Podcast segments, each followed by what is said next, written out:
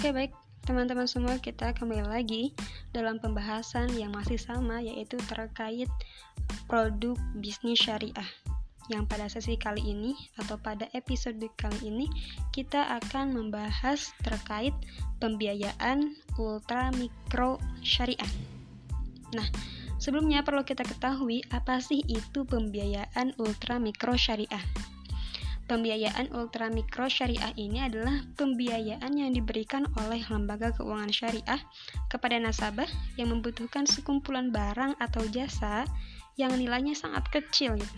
Makanya disebut dengan ultra ultramikro dan beragam jenisnya. Jadi ada nasabah yang membutuhkan sekumpulan barang atau jasa yang nilainya itu sangat kecil dan beragam juga jenisnya gitu. Makanya disebut dengan pembiayaan ultra mikro syariah. Kemudian apa sih yang menelandasi atau yang mendasari uh, pembiayaan ultra mikro syariah ini? Yang pertama uh, ada dalam Quran surat Al-Baqarah ayat 275 yaitu dan Allah telah menghalalkan jual beli dan mengharamkan riba gitu. Kemudian uh, dalam Quran surat Al-Qasas ayat 27. Nabi Shu'aib berkata, Sesungguhnya aku bermaksud menikahkan engkau dengan salah seorang dari kedua anak perempuanku ini. Dengan ketentuan bahwa engkau bekerja padaku selama 8 tahun. Dan jika engkau sempurnakan 10 tahun, maka itu adalah kebaikan darimu. Dan aku tidak bermaksud memberatkan engkau. Insya Allah engkau akan mendapatiku termasuk orang yang baik. Kemudian uh, dalam hadis Nabi yang diriwayatkan oleh Al-Bazar dan Al-Hakim dari Rifa'ah Ibnu Rafi berkata bahwa Rasulullah itu ditanya sama salah seorang sahabat bertanya seperti ini pekerjaan atau profesi apakah yang paling baik? Rasulullah menjawab usaha tangan manusia sendiri dan setiap jual beli yang diberkahi. Masya Allah ya gitu. Jadi seperti itu. Kemudian ada kaidah fikih yang melandasi dari pembiayaan ultra mikro syariah ini. Uh, yang pertama ada hmm, hukum untuk yang terbanyak sama dengan hukum untuk keseluruhan gitu. Nanti uh, akan lebih paham ketika udah mulai masuk lebih lanjut. Ini aku bacain aja dulu ya. Kemudian ada kaidah fikih selanjutnya yaitu pada dasarnya, sesuatu itu diikutkan dengan yang dominan, bukan pada yang jarang. Kemudian ada kaidah fikih selanjutnya, apabila sesuatu terjadi di antara yang banyak dan yang sedikit, maka diikutkan dengan dengan yang banyak, yang dominan. Kemudian, sesungguhnya waktu memiliki porsi harga. Dan kemudian yang terakhir, ada kaidah fikih yang melandasi produk ini adalah di mana terdapat kemaslahatan, maka di sana terdapat hukum Allah Subhanahu wa taala.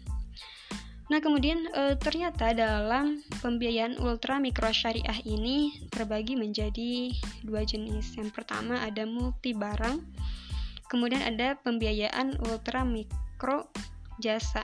Tadi yang pertama pembiayaan ultra mikro barang. E, apa sih yang membedakannya? Kemudian e, kenapa bisa dibedakan seperti itu? Ini. Jadi kalau pembiayaan ultra mikro barang ini e, multi barang ini pembiayaan yang objeknya barang dan jasa.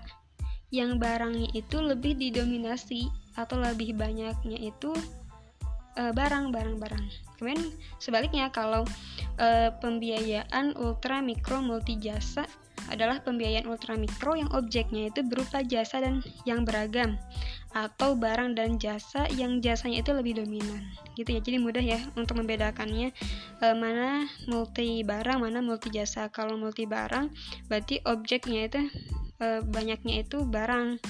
Biasanya itu barang yang beragam ataupun barang dan jasa tapi barangnya lebih dominan. Kalau jasa itu e, objeknya itu berupa jasa yang yang apa yang beragam atau barang dan jasa tapi jasa itu lebih dominan juga. Kemudian akad apa yang digunakan dalam e, pembiayaan ultra mikro syariah ini? Nah, dalam pembiayaan ultra mikro syariah multi barang ada beberapa akad yang digunakan. Pertama, menggunakan skema akad murabahah. Kedua, pakai akad salam. Ketiga, pakai akad istisna. Keempat, e, pakai akad ijaroh dan yang terakhir bisa juga pakai akad ijaroh muntahiyah bitamlik gitu.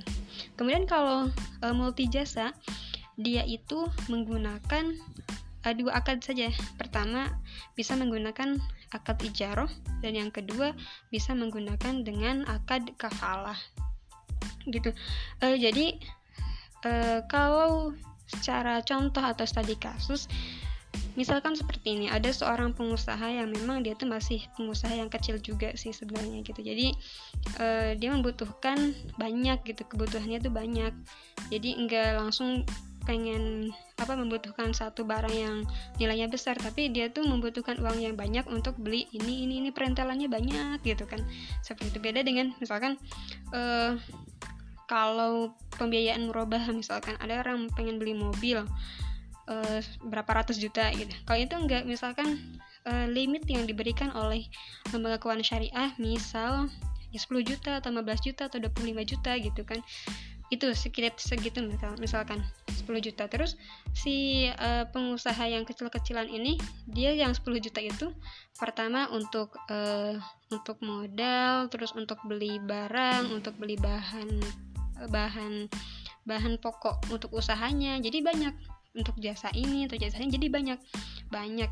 Dan itu skemanya sebenarnya lebih jelas uh, ketika mungkin teman-teman melakukannya langsung ke lembaga keuangan syariah. Tapi itu aku kasih gambaran ya secara singkat. Jadi intinya kalau pembiayaan ultra mikro itu bank biasanya ngasih limit.